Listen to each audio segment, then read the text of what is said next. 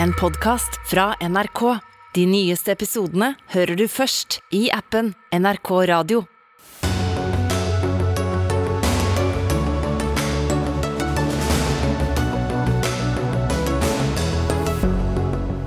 Forsvaret skjerper beredskapen. Fra i morgen går vi inn i fase én, hva nå enn det betyr.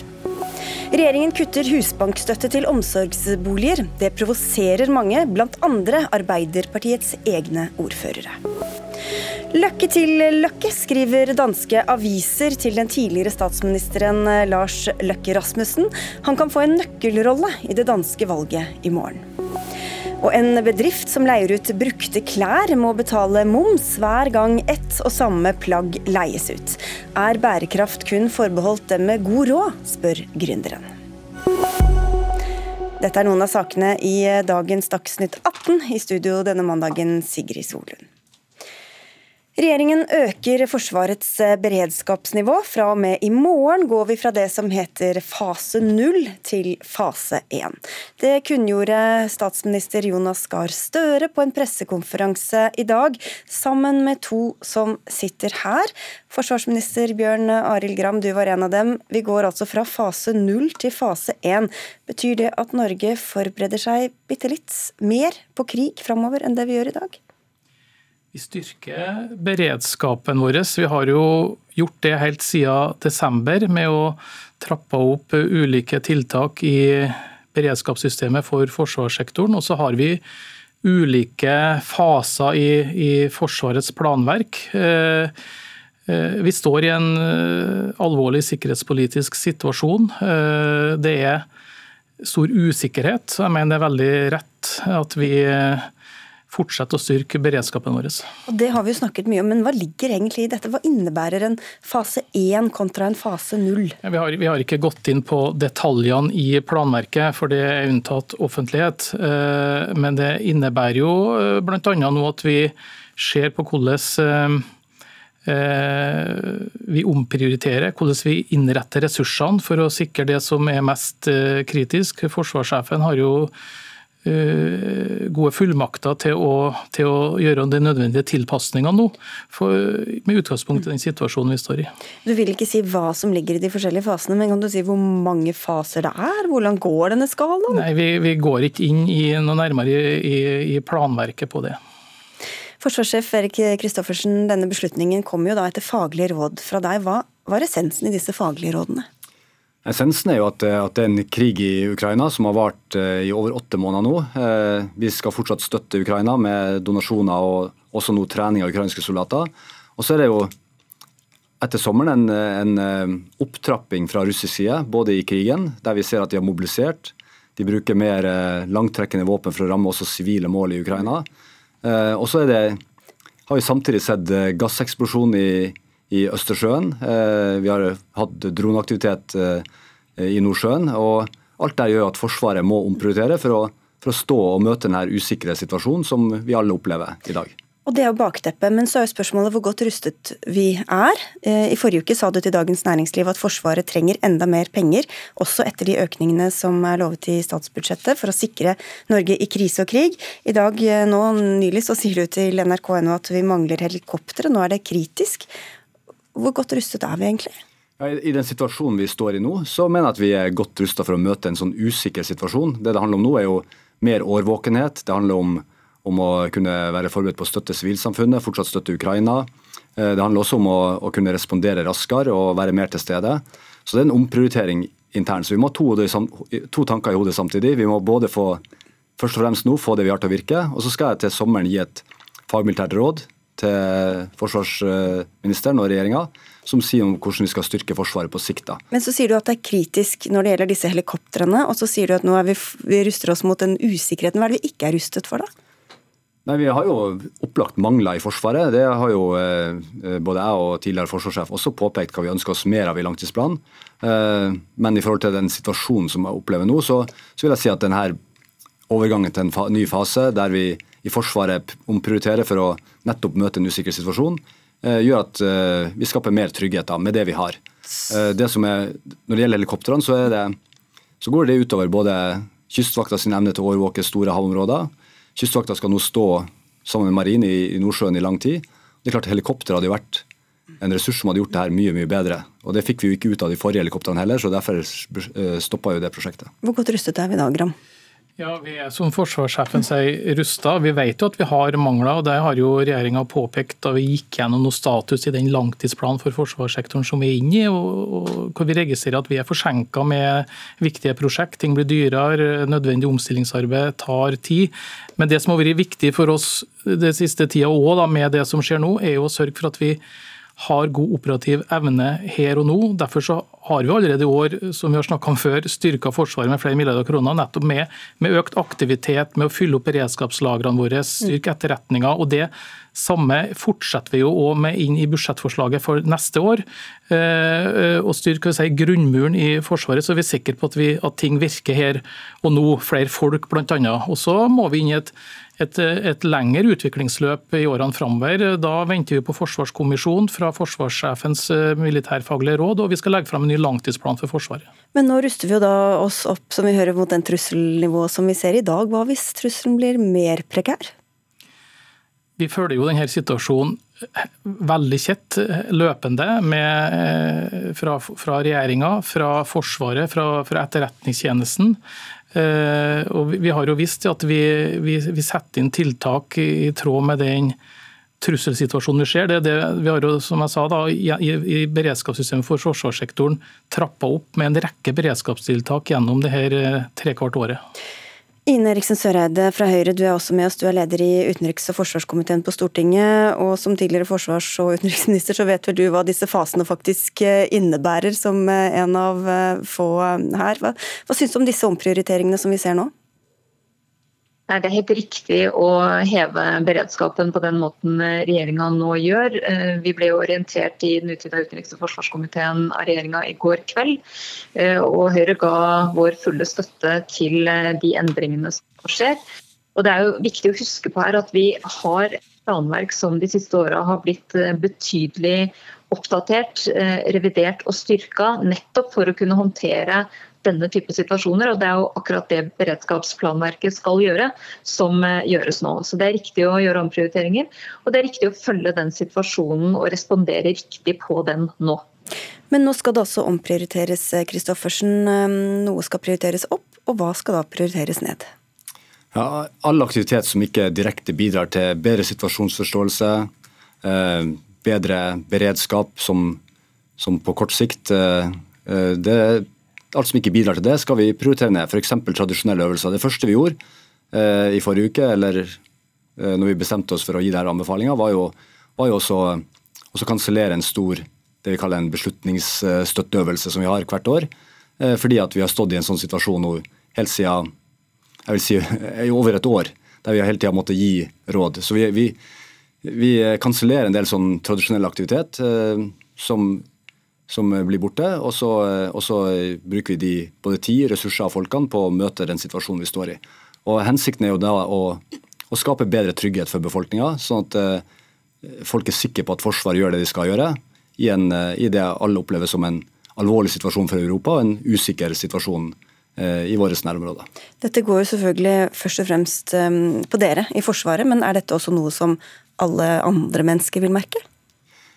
Nei, det her er, det her er en, en, eh, et tiltak for forsvarssektoren. Så vanlige folk skal jo eh, fortsette som før. Eh, men eh, det er klart at eh, alle kjenner på en uro rundt det som skjer i, i Ukraina.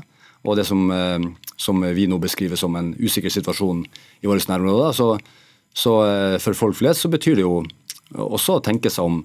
både være kritisk til, til nyheter, følge med på situasjonen men også tenke litt eh, rundt sin egen sikkerhet, både i bruk av, av digitale eh, hjelpemidler og, og, andre ting. Og det, hva, det er litt hva, poenget. Hva betyr det? Det betyr at, at man bør jo eh, tenke gjennom sin digitale sikkerhet både på arbeidsplassen og hjemme, så man ikke blir utsatt for, f.eks. hendelser i, i, cyber som gjør at sikkerheten for den enkelte blir dårligere. Så, så det, er en, det, er jo et alvor i det her som jeg mener vi alle kan bidra til å, til å til å eh, ta inn over oss og, og gjøre noe med. Og Heimevernet, vil de eh, bli mer aktive? Flere øvelser? Nå har vi økt øvingsaktiviteten i Heimevernet ganske kraftig i hele år. og Nå ser vi at det står heimevernssoldater på olje- og gassinstallasjoner. og Det er jo en inngripen i, i sivile mennesker sitt liv. For det er jo reservister som har en sivil jobb, som, har, som ikke er ansatt i Forsvaret til daglig, som nå gjør en kjempejobb. Og Det samme gjør vi også med trening av ukrainske soldater, der Heimevernet bidrar. Så det, Sånn sett så vil jo også familier og, og folk som vanligvis ikke jobber i Forsvaret, merker der. Hva sier dette Bjørn Arild Gram, om konfliktnivået nå? Da er det jo Russland vi er opptatt av. Ja, Krigen eh, den raser jo videre. Vi ser jo nå eh, vi kaller det terrorbombing mot ukrainske sivile mål, infrastruktur. Eh, vi har sett en språkbruk, en trussel, trusler fra Russland, Putin, som er, er veldig alvorlig. Så, så, så, legger vi vel nok til grunn at, at heller ikke Putin er, er, vil se seg kjent med at flere land blir involvert i krigen. At, at formålet primært er å skremme oss, gjøre oss bekymra, hindre at vi fortsetter å støtte Ukraina. Eh, eh, men det er jo et men her òg, fordi at et pressa regime som eh, ikke når de målene de har satt seg for invasjonsforsøket av Ukraina, vet jo heller aldri helt hva, hva, de vil foreta seg. Det, den usikkerheten ligger jo der, selv om, selv om vi primært tror at dette handler om å skremme oss. Men nettopp av den grunn så, så, For å trygge folk, for å trygge landet vårt, så skal, er det viktig at vi øker beredskapen og er forberedt på det som vi måtte kunne møte i framtida. Og det vi ikke er forberedt på, ifølge mange også fra forsvarshold, Ine Eriksen Søreide, er en faktisk, hvis noen skulle komme til å gå til angrep på Norge. Hva, hva sier det om hvilke riktige valg eller gale valg som har vært tatt for Forsvarets del og fra politisk hold i årene som har gått? Jeg tror de aller fleste europeiske land eh, tok ut den såkalte fredsdividenden etter den kalde krigens slutt. Altså man bygde ned eh, forsvaret i alle europeiske land, også i Norge. Eh, da vi kom inn i regjering i 2013, så var jo en av våre hovedoppgaver og noe av det vi satsa aller mest på, var jo å bygge opp igjen Forsvaret. Samtidig var vi jo veldig klare på at det kom til å ta tid. Det kom ikke til å være gjort på én langtidsplan eller to langtidsplaner. Men det grunnlaget vi la da, nemlig å få det vi har til å virke, bygge grunnmuren og gjøre investeringer i nye kapasiteter som F-35, som maritime overvåkningsfly, som nye ubåter, og store investeringer også i Hæren og Etterretningstjenesten, var jo veldig viktig for å kunne ruste oss bedre på den situasjonen vi bl.a. ser nå. Eh, det regjeringa gjorde i, eller det regjeringa varsla i dag med heving av beredskapen, er jo et bilde på den veldig alvorlige sikkerhetspolitiske situasjonen vi nå står i. Vi må være forberedt på veldig mye uforutsigbarhet.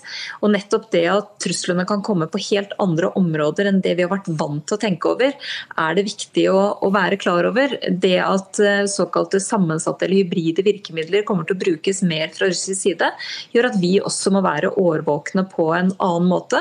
Og da må også terskelen for å skjerpe beredskapen være lav, sånn at vi både kan trygge oss og våre allierte å være en klar og tydelig stemme mot det Russland nå driver med. Til slutt, eh, Bjørn Arild Gram, nå er vi altså i fase én. Hva skal til for at vi går tilbake til fase null, eller eventuelt til fase to, hvis det også antagelig finnes? da? Jeg kommenterer ikke ulike fasene, men vi har skjerpa beredskapen og gått inn i en ny fase. og så er det jo den sikkerhetspolitiske situasjonen, utviklinga i månedene framover, som vil avgjøre hvilket beredskapsnivå vi legger oss på. Vi har planer for å håndtere ulike trusler og eh, ja, eh, sikkerhetspolitiske situasjoner. Så Det er jo en løpende vurdering som forsvarssjefen gjør, og i samråd med regjeringa.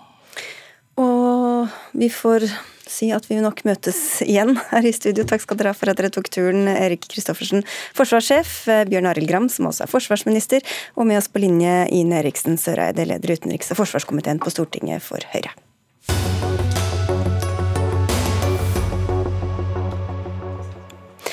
Den sittende presidenten i Brasil, Bolsonaro, har ennå ikke sagt at han eh, godtar valgresultatet etter at et knapt flertall gikk inn for Lula da Silva. Det er stor usikkerhet eh, om hvordan han vil forholde seg til valgnederlaget.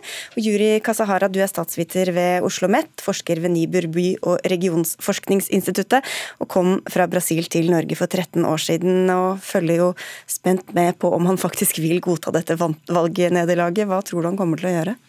Det er vanskelig å si, men eh, jeg tror at eh, han er på en vanskelig situasjon nå, fordi mange støttespillerne til han har anerkjent valgresultat allerede. Så han er ganske isolert. Eh, så jeg tror han har ikke så mange muligheter enn å bare anerkjenne valgresultatet. Mm. Vi skal snakke mer om en av eh, de store sakene i eh, valget, nemlig regnskogen i Brasil, som har vært en av hovedsakene for valgvinneren.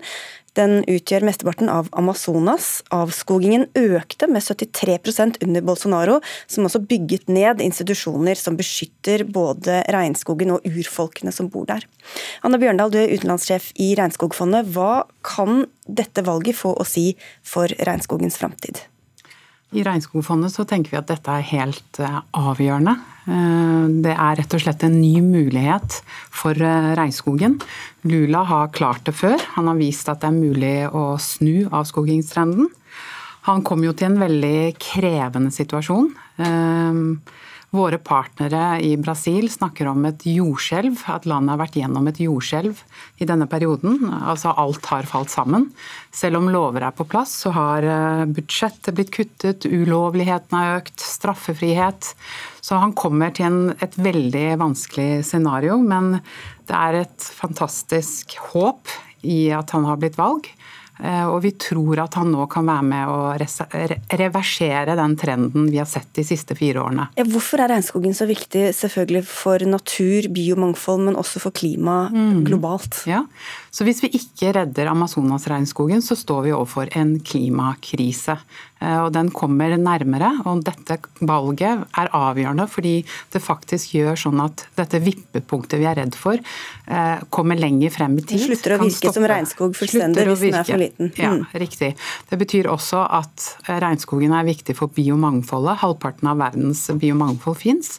Og også for de folkene som bor av og i regnskogen. Og det er jo både urfolk og andre folk.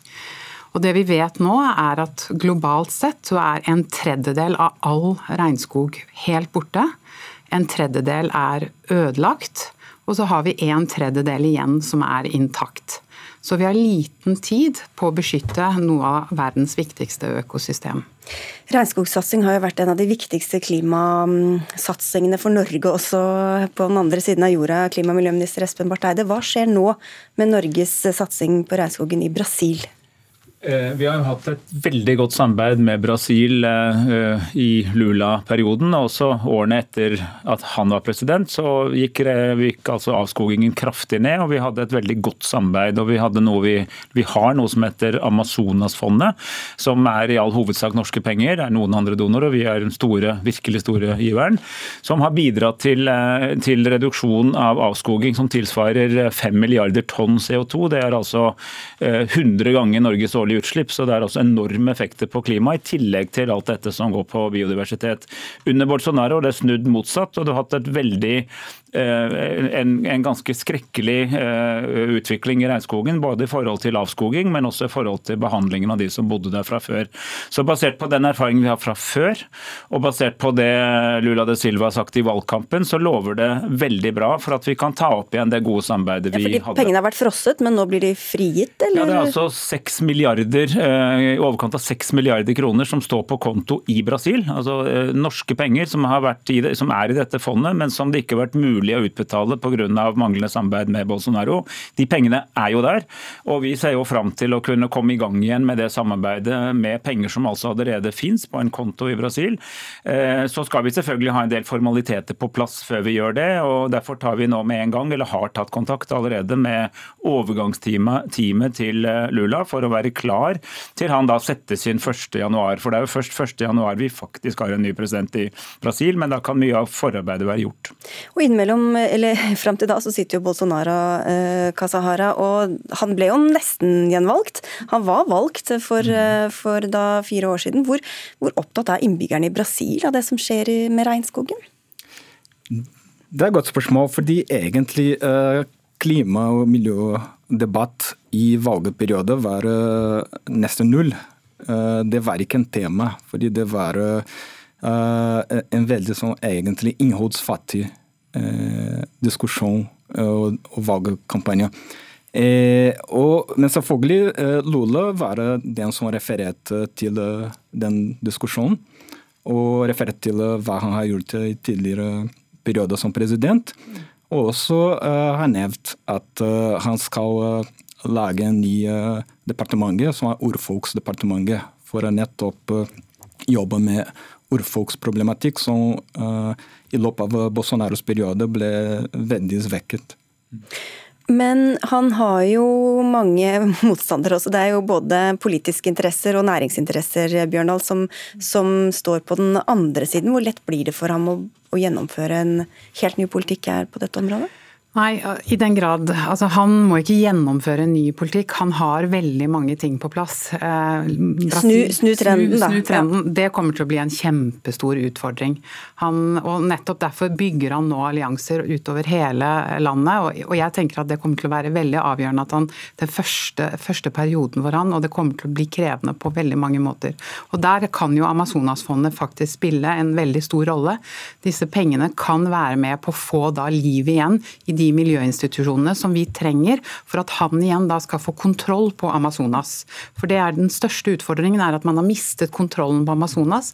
Så man har straffefrihet, man har eh, korrupsjon etc. Så så Amazonas-agendaen kan hjelpe Lula også til å få tilbake dette Brasil han trenger. Nå nærmer jo det årlige klimatoppmøtet seg, eh, Eide. Dit skal jo du selvfølgelig, og prøve vel å få andre land med på denne satsinga også. Hvor lett blir det i en tid når alle er opptatt av krig og sikkerhet og forsvar? Det er riktig at mange er det, men det er ikke noe tvil om at dette med å bevare regnskog har blitt et mye større tema også for andre land. Så Norge var jo på mange måter en pioner da Jens Stoltenberg lanserte dette store arbeidet samarbeidet hvor Brasil var en av våre første partner, og egentlig en stjernepartner i, i mange år.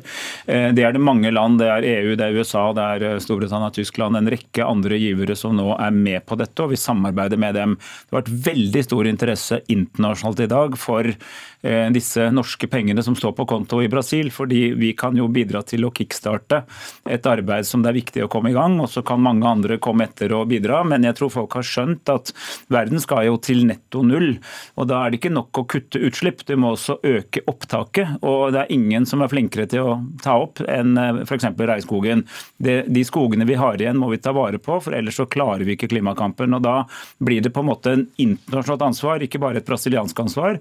Og derfor synes vi vi det er rimelig både å stille krav til Brasil, men også til å bidra økonomisk til at de lykkes, akkurat som vi gjør med f.eks. Indonesia, hvor vi også har et veldig omfattende samarbeid av samme grunn. Og, og, og sånn sett tror jeg dette blir en gladnyhet på vei inn i klima koppen som er neste uke i eh, Egypt, og kanskje vel så mye i det store naturtoppmøtet som er en måned etterpå i Montreal, hvor man prøver å jobbe fram mot en naturpositiv fremtid. Men det er jo enorme områder som er ødelagt, Bjørndal. Går det an å restaurere dem, få dem tilbake på noe vis? Du vil aldri kunne få tilbake den regnskogen, den intakte regnskogen slik den var, men man kan absolutt restaurere. og Det var jo et område nesten på størrelsen med Danmark som ble borte under Bolsonaro sitt, eh, sine herjinger. Så restaurering er mulig, men aldri tilbake til den regnskogen vi hadde fra begynnelsen av. Hvor populært tror du dette blir da, og med en helt ny regnskogpolitikk, Kasara? Eh, I Brasil, altså? Uh, jeg tror det er sånn når du ser valgresultat, uh, Brasil er veldig polarisert. Uh, går ut veldig polarisert. Og det var før, og det er etter uh, valg. og jeg tror at det er veldig tydelig at mange viktige spillere i sivilsamfunnet skulle bli veldig glad i endring i klimapolitikk og miljøpolitikk i Brasil. Men selvfølgelig det skal bli også sterk motstand fra eh, noen næringsinteresser og jordbrukseier eh, som benytter seg av Bolsonaros politikk. For jeg tenker at Det er noe av det som er fint nå, at nå kan den dialogen med sivilsamfunnet starte igjen. Det har jo vært en veldig vanskelig retorikk som Bolsonaro har stått for, og sivilsamfunnet har fått liten plass. Hvis vi nå får på plass igjen Amazonasfondet, hvor sivilsamfunnet bør og skal være en del av styringskomiteen, og man igjen kan få til den dialogen, det tenker jeg det er noe av det største Lula egentlig kan få på plass, og hvor det er store muligheter til å få resultater. Og så er det jo helt riktig at det er en del næringslivsinteresser i stor sånn agribusiness som har vært eh, veldig støttende til Brasil. Men det er også en annen trend at en del av næringslivet i Brasil ser at internasjonalt næringsliv, altså deres partnere i andre land, har begynt å stille mer kritiske spørsmål til avskogingsprodukter, og egentlig nå sier til hverandre at vi vil ikke handle med varer som kommer fra avskoging. Og Det har faktisk også gjort at en del eh, næringslivsaktører i Brasil har begynt å tenke litt andre tanker. Det går faktisk an å produsere mat på mer bærekraftige måter enn det man har gjort med altså enorme sånne kvegfarmer f.eks. Det finnes andre måter å gjøre det på, og det er viktig at vi både sivilsamfunn og de statene som nå støtter det nye eh, styret i Brasil, også snakker med de mer progressive kreftene i næringslivet i hele Latin-Amerika. Og så har det vært flere gode nyheter fra dette kontinentet. Vi fikk jo for ikke lenge siden et valg i Colombia, hvor vi, et land som i og for seg hadde oppført seg ganske bra på dette feltet, har strammet til kravene ganske mye i riktig retning slik vi ser det. Så mye av Amazonas er nå styrt av land som tar klima og miljø på alvor. Så i en vanskelig tid her i Europa så kan det fremstå som Latin-Amerika akkurat nå er et håpets kontinent. Ja, det trenger vi. Takk skal dere ha alle tre, i hvert fall Anna Bjørndal, Regnskogfondets utenlandssjef, Espen Barth Eide, klima- og miljøminister, og Juri Kasahara, som er statsviter ved Oslo OsloMet.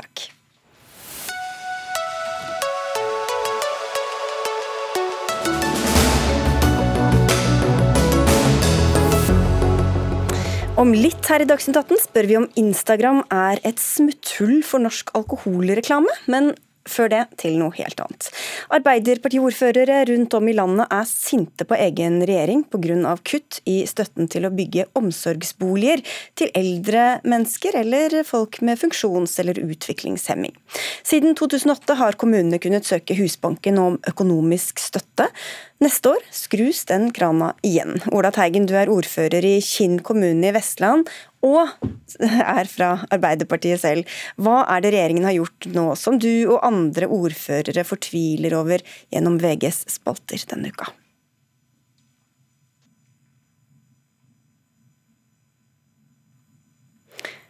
Skal vi se om vi har med oss Ola Teigen, eller om det var litt dårlig kontakt? Ja, Nå har eh, Kommune-Norge en formidabel oppgave som vi står overfor. Vi får eh, stadig færre Ja, hører du meg? Vi hører deg, det er bare en enormt lang forsinkelse. I alle fall, eh, Kommune-Norge har en kjempeutfordring. Vi står overfor store etterkrigskull med mennesker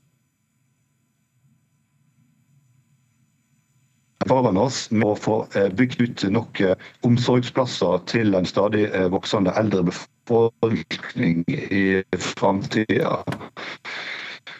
Og det som regjeringen har gjort tidligere, eller siden 2008, så har man sørga for ei løyving som gjør oss i stand der.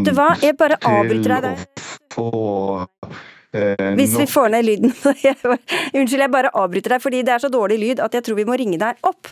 Og så skal vi se om vi får, får deg med på en eller annen eh, måte heller. Men da kan jeg heller gå til deg, Cecilie Myrseth. Du er første nestleder i helse- og omsorgskomiteen på Stortinget for Arbeiderpartiet.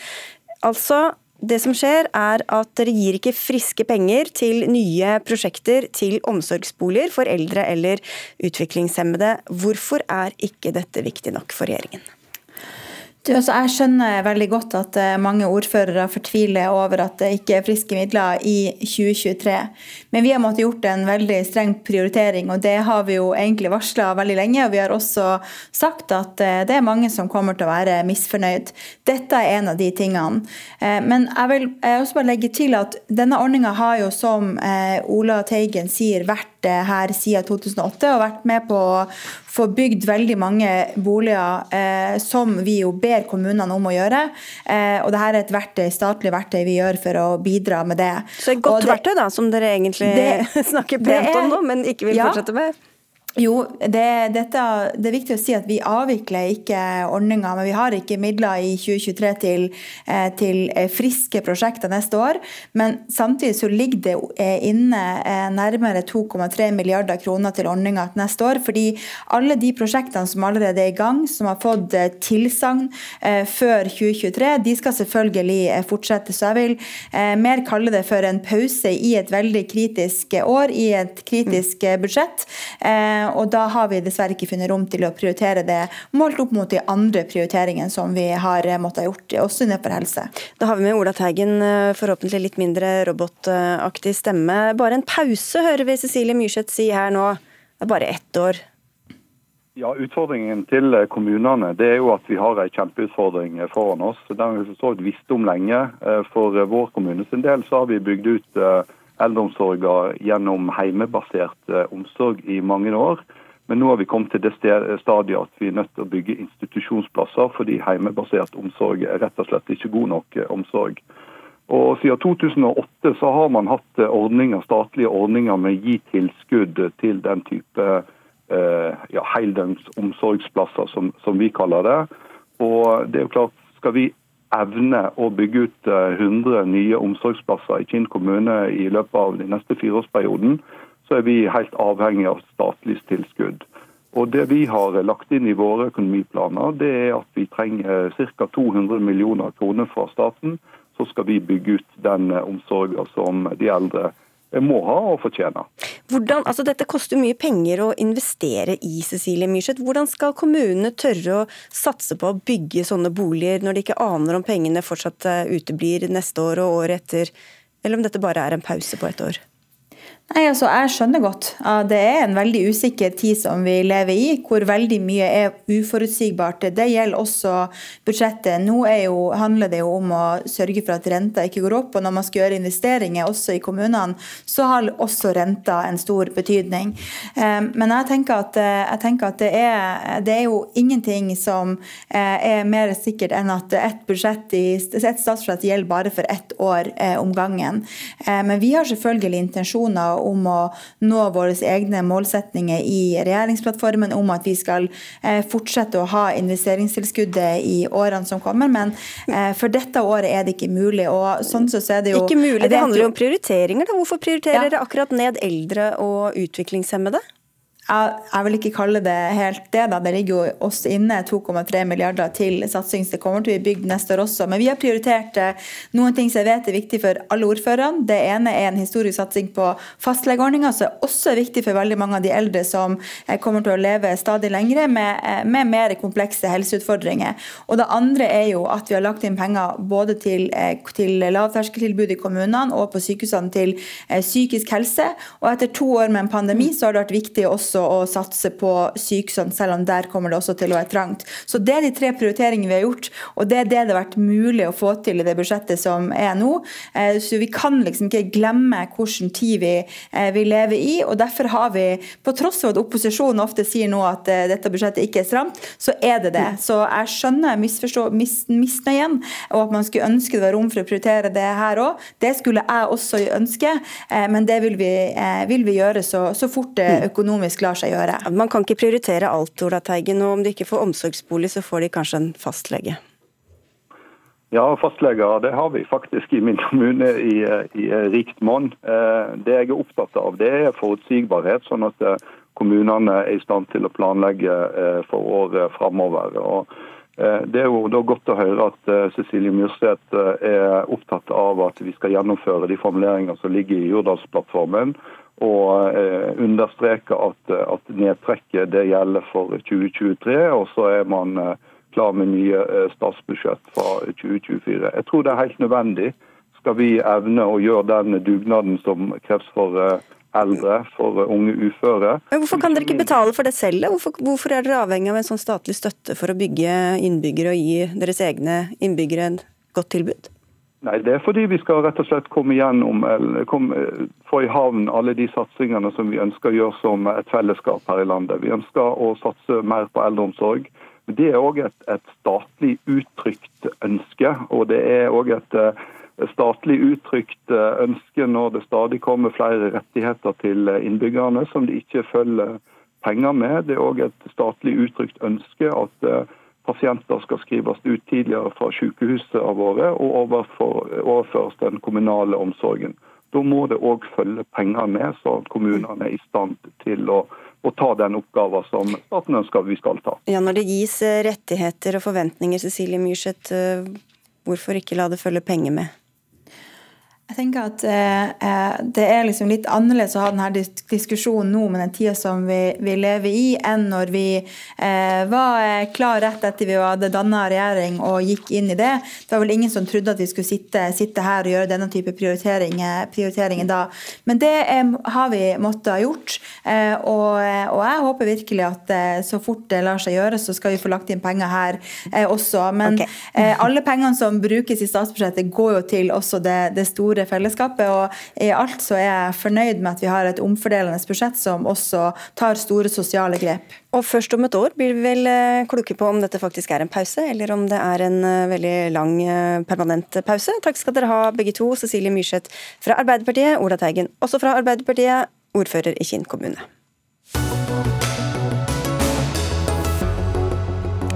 I morgen går danskene til valg etter at sittende statsminister, sosialdemokratiets eh, Mette Fredriksen, skrev ut nyvalg denne måneden. Da var det de konservative, med statsministerkandidat Søren Pape Paulsen, som var eh, hovedmotstanderen hennes. Men i det siste har tidligere statsminister for Venstre, Lars Løkke Rasmussen, gjort det godt på meningsmålingene med sitt nye borgerlige parti Moderaterne. Velkommen, eh, Magnus Takvam. Vi takket deg av som vår egen kommentator tidligere i år, men nå er du her eh, som kommentator for Alltinget. Godt å ha deg her igjen. Takk skal du ha. Før vi går inn på Løkke Rasmussen, litt bakgrunn her. Det er 14 partier som var med i partilederdebatten eh, i Danmark i går. Hvordan ble det så mange partier? Det er jo et resultat av valgordningen i Danmark. Der har de en sperregrense på 2% så det er ganske lett, eller relativt lett, da, å komme inn i Folketinget. Og det skal vi si, har sine sider, både positive og negative. Selvfølgelig, En negativ side er selvfølgelig den at eh, stemningsbølger rundt akkurat valgkampen og eh, en person, en leder for et av disse partiene som gjør det bra eller dårlig akkurat der og da, dette liksom kan avgjøre sammensetningen av Folketinget. Kanskje litt tilfeldig, da. Mm. Eh, men sånn har danskene valgt å gjøre det, og de, de er jo vant til det. Og denne Løkke Rasmussen, som mange husker, han har altså forlatt Venstre, startet et eget parti. Vil verken være rød eller blå. Hva er prosjektet hans?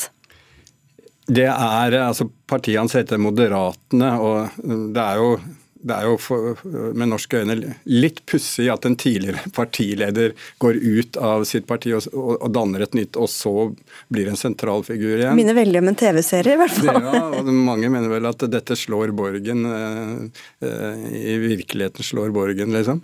Men eh, nei, altså det er jo I hvert fall så er resultatet av at han nå ligger an til, eller hans parti da, ligger an til å få så mange mandater, Eh, resultatet av det er at man ikke vet, det er helt umulig på forhånd, og kanskje i lang tid etter selve valget, å vite hva slags regjering man får. For som du sier, så har ikke eh, Moderaten og Løkke Rasmussen da entydig pekt på den ene eller den andre kandidaten. Og det er helt nytt eh, de siste årene i Danmark. Og hvorfor det er blitt sånn, kan man, kan man jo kan utvikle, men det er klart at det ene er sammenbrudd på den borgerlige siden. altså Venstre og konservative, tradisjonelt store partiene gjør det veldig dårlig. Og de har blitt på en måte klistret opp til de ytterliggående eh, høyrepartiene, og dermed mistet oppslutning. Og så har også Mette Fredriksen med en enpartiregjering i løpet av de siste årene skal vi si, fått litt trøbbel med sitt eget lag på venstresiden. og Dermed åpner dette rommet seg i midten for han, som han spiller veldig høyt på, og kan bli den såkalte kongemakeren og peke da antagelig på hvem eh, som blir statsminister etter valget. Og Hvilke saker er det han fronter som eh, gjør at han får så stor oppslutning? Ja, Det er det ingen som helt klarer å svare på. Det, den eneste saken med virkelig substans som han faktisk har frontet, og som han har fått uh, som han er flink på og som han kan, det er helsespørsmål. Sykehusvesenet, som er i en krise i Danmark. Det er svær bemanningsflukt av sykepleiere og personale fra, uh, fra sykehusene. De, de har gjennomført De, de jo, gjorde, skapte modellen for dette pakkeforløpet innen kreftbehandling i, i, Danmark, men det har tatt så mye ressurser at det på en måte har tappet eh, det området. Og Der har han gjort en, en, eh, altså, god figur og fått det opp. Men eh, han er eh, systematisk vag på alle andre kontroversielle spørsmål eh, i, i, valgkampen. Og Om det fører til valgseier for den ene eller den andre, det får vi jo se etter i morgen. Takk skal du ha, Magnus Takvam, for denne hyggelige gjenvisitten.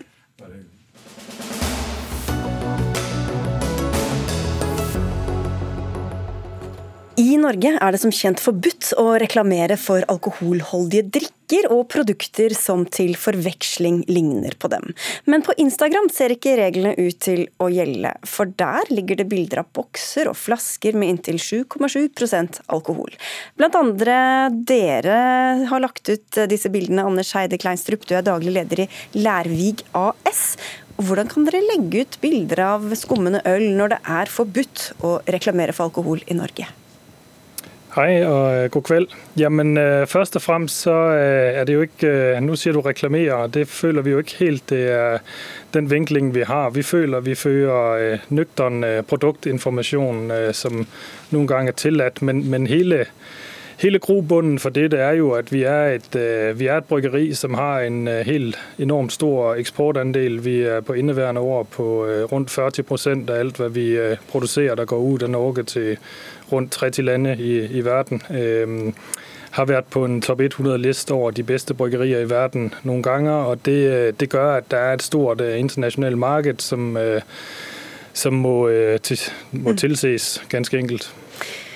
Ole Henrik Kratt Bjørkholt, statssekretær i Helse- og omsorgsdepartementet. Hva sier du, er dette lov? Nei, det er ganske eh, tydelig ikke lovlig i Norge å reklamere for alkohol. Heller ikke på sosiale medier. Det er bare nøktern produktinformasjon. Ja, men eh, det er klart at et eh, bryggeri har jo interesse av å øke omsetningen for sine produkter, og det kan jeg godt forstå. Men så må man huske på at alkohol er ikke et vanlig produkt, det er et veldig skadelig produkt som går utover både den som bruker det og dens omgivelser. Så Det er veldig gode grunner til at Norge har den veldig suksessfulle alkoholpolitikken som vi har. Jo, men Instagram som vi snakker om nå, det er jo ikke det samme som VG eller Dagbladet. Det er ikke noen norsk plattform. Hvordan er du så sikker da på at dette er forbudt? Ja, det ble gjort noen tilpasninger i lovgivningen for en del år tilbake som dreide seg om produktinformasjon på hjemmesider. Men eh, man har helt bevisst ikke tillatt det på sosiale medier. For stor der kan det spres til veldig mange, og det er ikke et sted som folk nødvendigvis selv oppsøker for å få informasjon. Dette er ikke innenfor lovverket, så hører vi her, Kleinstrup. Hva sier du til det? Ja, men det er, jo, det er, jo, det der er hele problematikken her. Det er at den, øh, altså den lovgivningen som ligger til grunn for dette, og jeg, jeg skjønner jo at Helsedirektoratet skal håndheve den lovgivningen som politikerne har, har vedtaget, og den respekterer vi òg. Men, men, jeg føler bare at utviklingen øh, i forhold til sosiale medier den, øh, den er gått så fort og har vært selvakselererende under pandemien. Der var det sånn litt øh, gå online eller, eller øh, steng, steng din øh, bedrift. og Det har også gjeldt for oss bryggeriene i Norge. Jeg tror der har der har vært en endring der, det har det vært i rigtig mange bransjer, og der har lovgivningen nok ikke helt fulgt med. Og når man så samtidig ser øh, de store internasjonale øh, mærker, som også sælges i Norge, øh, som har frit mulighet for å eksponere den, den norske konsumenten for uh, diverse reklamer, om det er på Formel 1 eller om det er på uh, store uh, sportsbegivenheter eller, eller annet, så, så, føler vi jo at det der egentlig skjer med den lovgivningen som skulle være så bra, det er at den egentlig, den egentlig dreper den, den, norske aktøren. Og, og, der er ikke den likebehandling der, der burde være. Så jeg tror vi som bryggeribranche, nå skal jeg ikke tale for alle, men, men jeg tror vi egentlig mest av alt ønsker en dialog med, med politikerne rundt dette og prøver å, finde finne løsning for hvordan navigerer vi som norske produsenter der skaper arbeidsplasser og betaler skatt her. Hvordan, hvordan, skal vi gjøre det når de internasjonale merker ja, har, har, mulighet? Vi tar det videre til deg, Bjørkholt. Altså likebehandling her. Hvorfor skal det være ulovlig for norske ølprodusent å legge ut bilder, men lovlig for Heineken eller Jack Daniels for den saks skyld å, å legge ut bilder?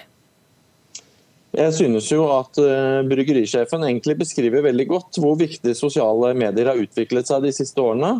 Eh, og jeg tenker nettopp Det illustrerer hvor viktig det er at et reklameforbud også omfatter sosiale medier. Ellers så hadde det jo vært et veldig ineffektivt reklameforbud. Jo, men, men det, er, det er jo de samme, altså det, er, det er den samme plattformen. Eh, Er det, er det da lovlig hvis du Hva er det som gjør at det er lovlig for noen og ulovlig for andre? Hvis det er reklame rettet mot norske forbrukere, så er det ikke lov. Og Hvis de, Eh, og- hvis de har like mange utenlandske kunder som norske, da? Ja, men Da er det delvis også omfattet norske forbrukere. Så hvis det er primært mot norske forbrukere, så er det ikke lov. Og Det er veldig gode grunner til det. Norge har en veldig vellykket alkoholpolitikk som har reddet utallige menneskeliv og familieskjebner. Men vi drikker da ganske mye øl fra Tyskland eller Belgia i Norge også? Det norske alkoholforbruket ligger på halvparten av EU-gjennomsnittet, så norsk alkoholpolitikk det fungerer. Jo, men det var ikke det som var poenget. Poenget er at hvis du går inn på Instagram, Instagram og på, slår opp på Heineken, da, som jeg tok som et eksempel, da er det lov. eh, For en, også når det er en norsk forbruker, men ikke hvis jeg slår opp på Lærvig AS og ser hva de har på plakaten.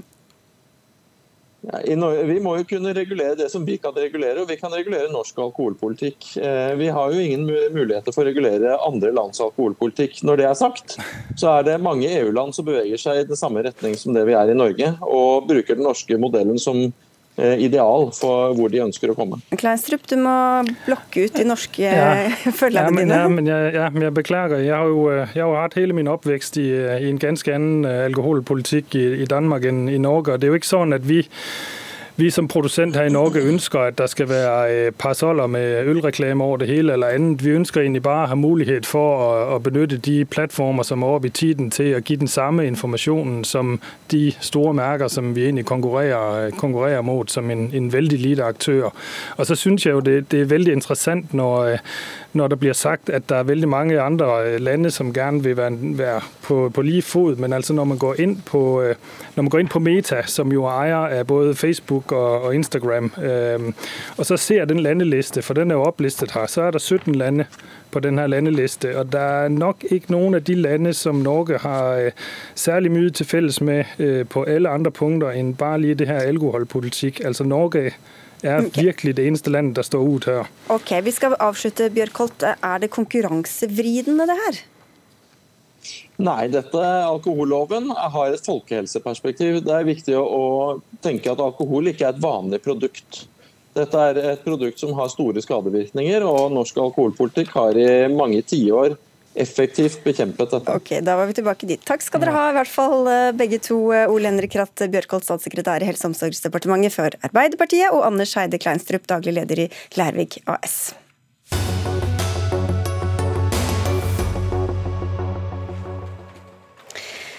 Vi skal ha mer gjenbruk, kjøpe mindre, reparere og leie mer. Det er en del av sirkulærøkonomien som mange mener vi må satse på i klima- og naturkrisens tid.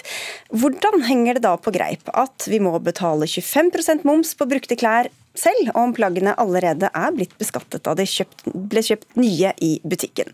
Dette har du tatt opp, Sigrun Syverud. Du er daglig leder i Fjong, en plattform som driver med utleie av klær. Hva betyr disse momsreglene i praksis for bl.a. dere?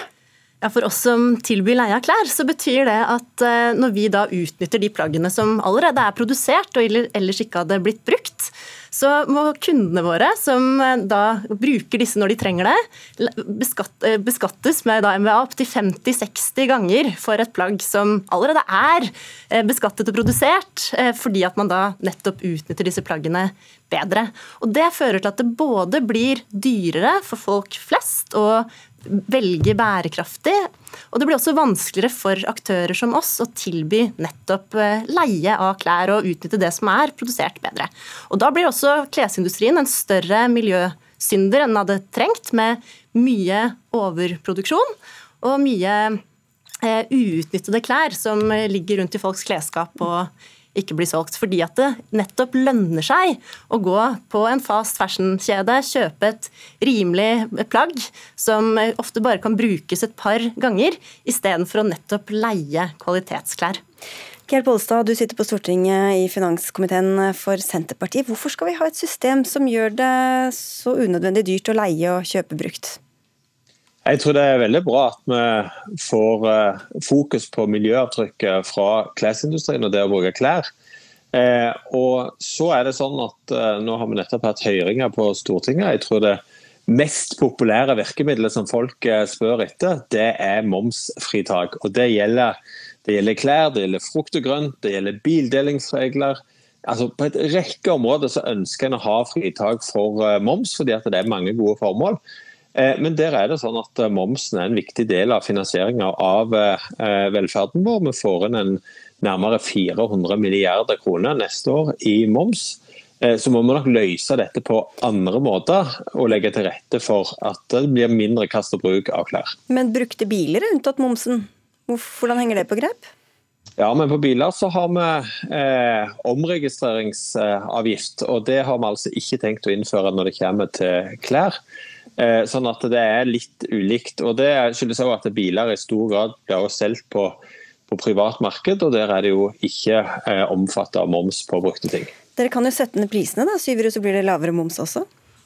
Ja, det, det, kan man si, men det er allerede ikke så altså Det er ganske kostbart å tilby leie av, av klær. sånn at det vaskes eh, mellom hver gang. Og det er også dette med logistikken. Vi har bygget en teknologiplattform som skal gjøre det enkelt å nettopp tilby leie av klær på en skalerbar måte. Men det er allerede ikke en superprofitabel for å si det sånn, industri. Og, og vi skulle gjerne hatt flere aktører på markedet som gjorde det lettere for folk flest å nettopp leie klær. Men eh, men pga. de kostnadene som er, så, så, er det ikke så lett. Og nettopp det å fjerne MVA hadde vært et fantastisk tiltak som hadde gjort det lettere for både oss og andre aktører som oss, men også gjort det mer attraktivt da, for kunder. Og, eller ikke bare attraktivt, rimeligere og mer tilgjengelig for folk flest å velge eh, mm. bærekraftig. Så det er en lavthengende frukt. MVA, altså merverdiavgift, moms, og dere er helt enig i dette, Arild Hermstad. Du er fungerende partileder i eh, MDG. Hva syns du om dagens system?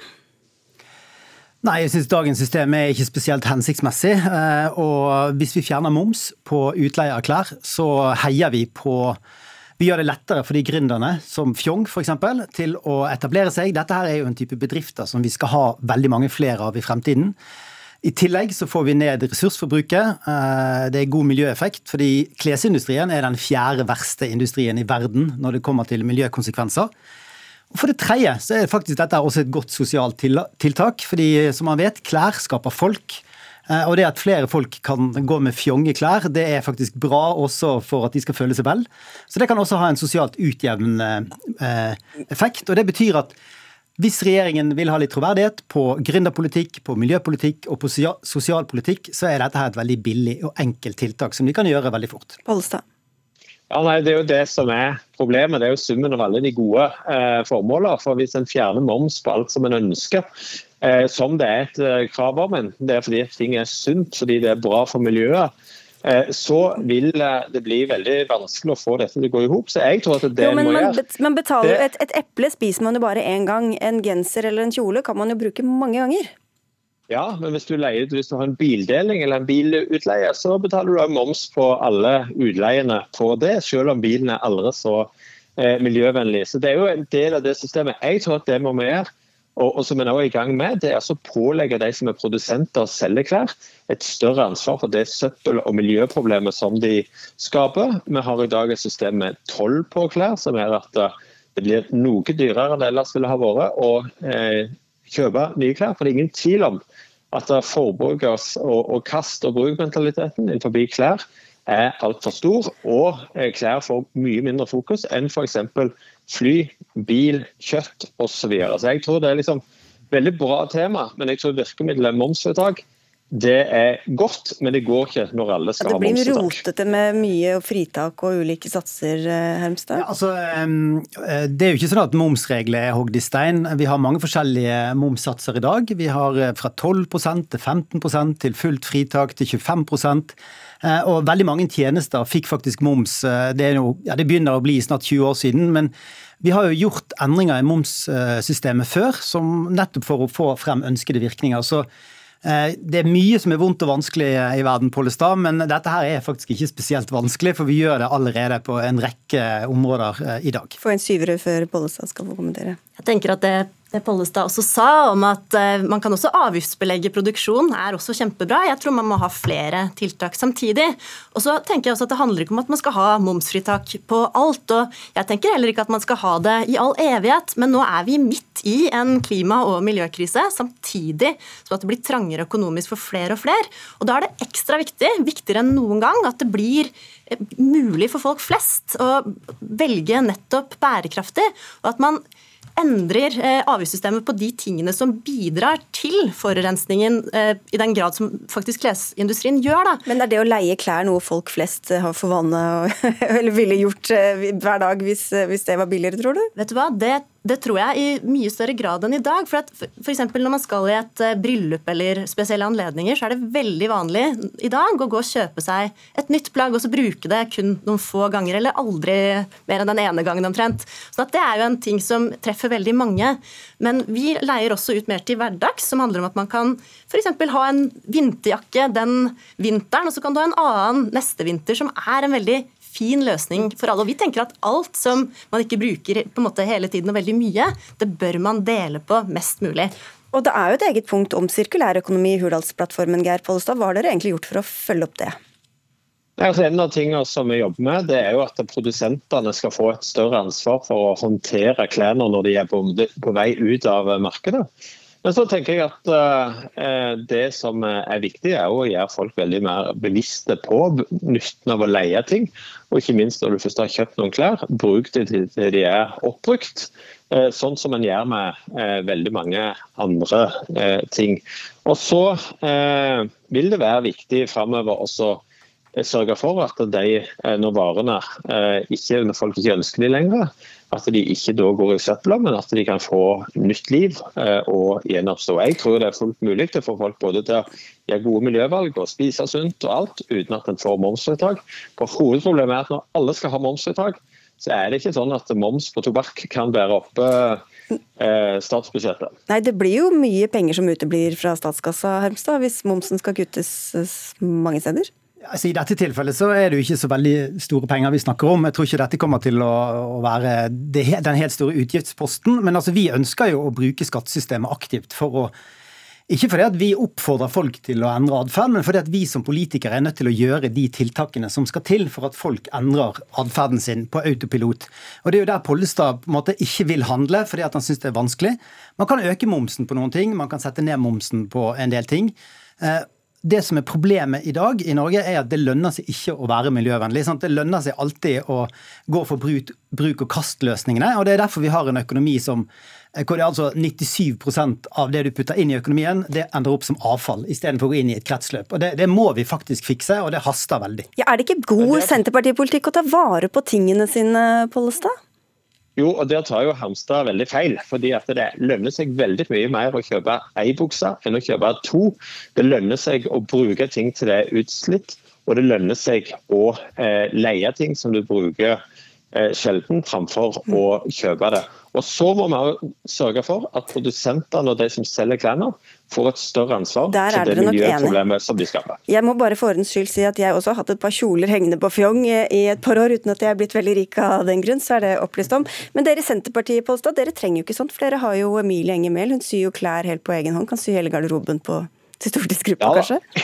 ja, det, det, mener jeg at det er det beste, hvis folk kan lage sine egne klær. og det må vi jo stimulere til. Nei, men Det handler jo om å ta vare på ressursen. Eh, og ikke kaste. Jeg tror at vi har et veldig stor jobb. Eh, vi er fort ute med pekefingeren mot, eh, mot andre ting som forurenser, og det skal vi fortsette å gjøre.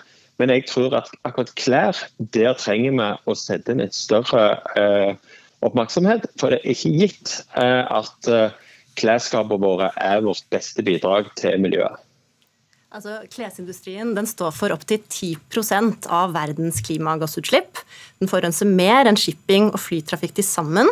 I Norge så har SIFO tall på at ca. en tredjedel av klærne vi har i garderobene våre, henger så å si ubrukt. Og vi bruker kun 10-15% av klærne våre aktivt. Det var mange tall, men i hovedsak. Vi bruker ikke de klærne. Vi har kjøpt man, Det er veldig fint med økt bevissthet, men det man har sett at virkelig fungerer, det er jo nettopp økonomiske virkemidler sånn som momsfritak. Det har jo funka som bare rakkeren på elbil f.eks.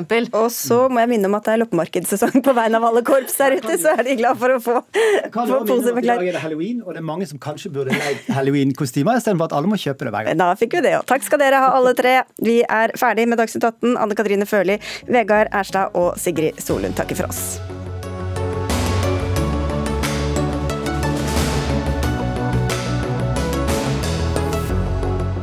Du har hørt en podkast fra NRK. De nyeste episodene hører du først i appen NRK Radio.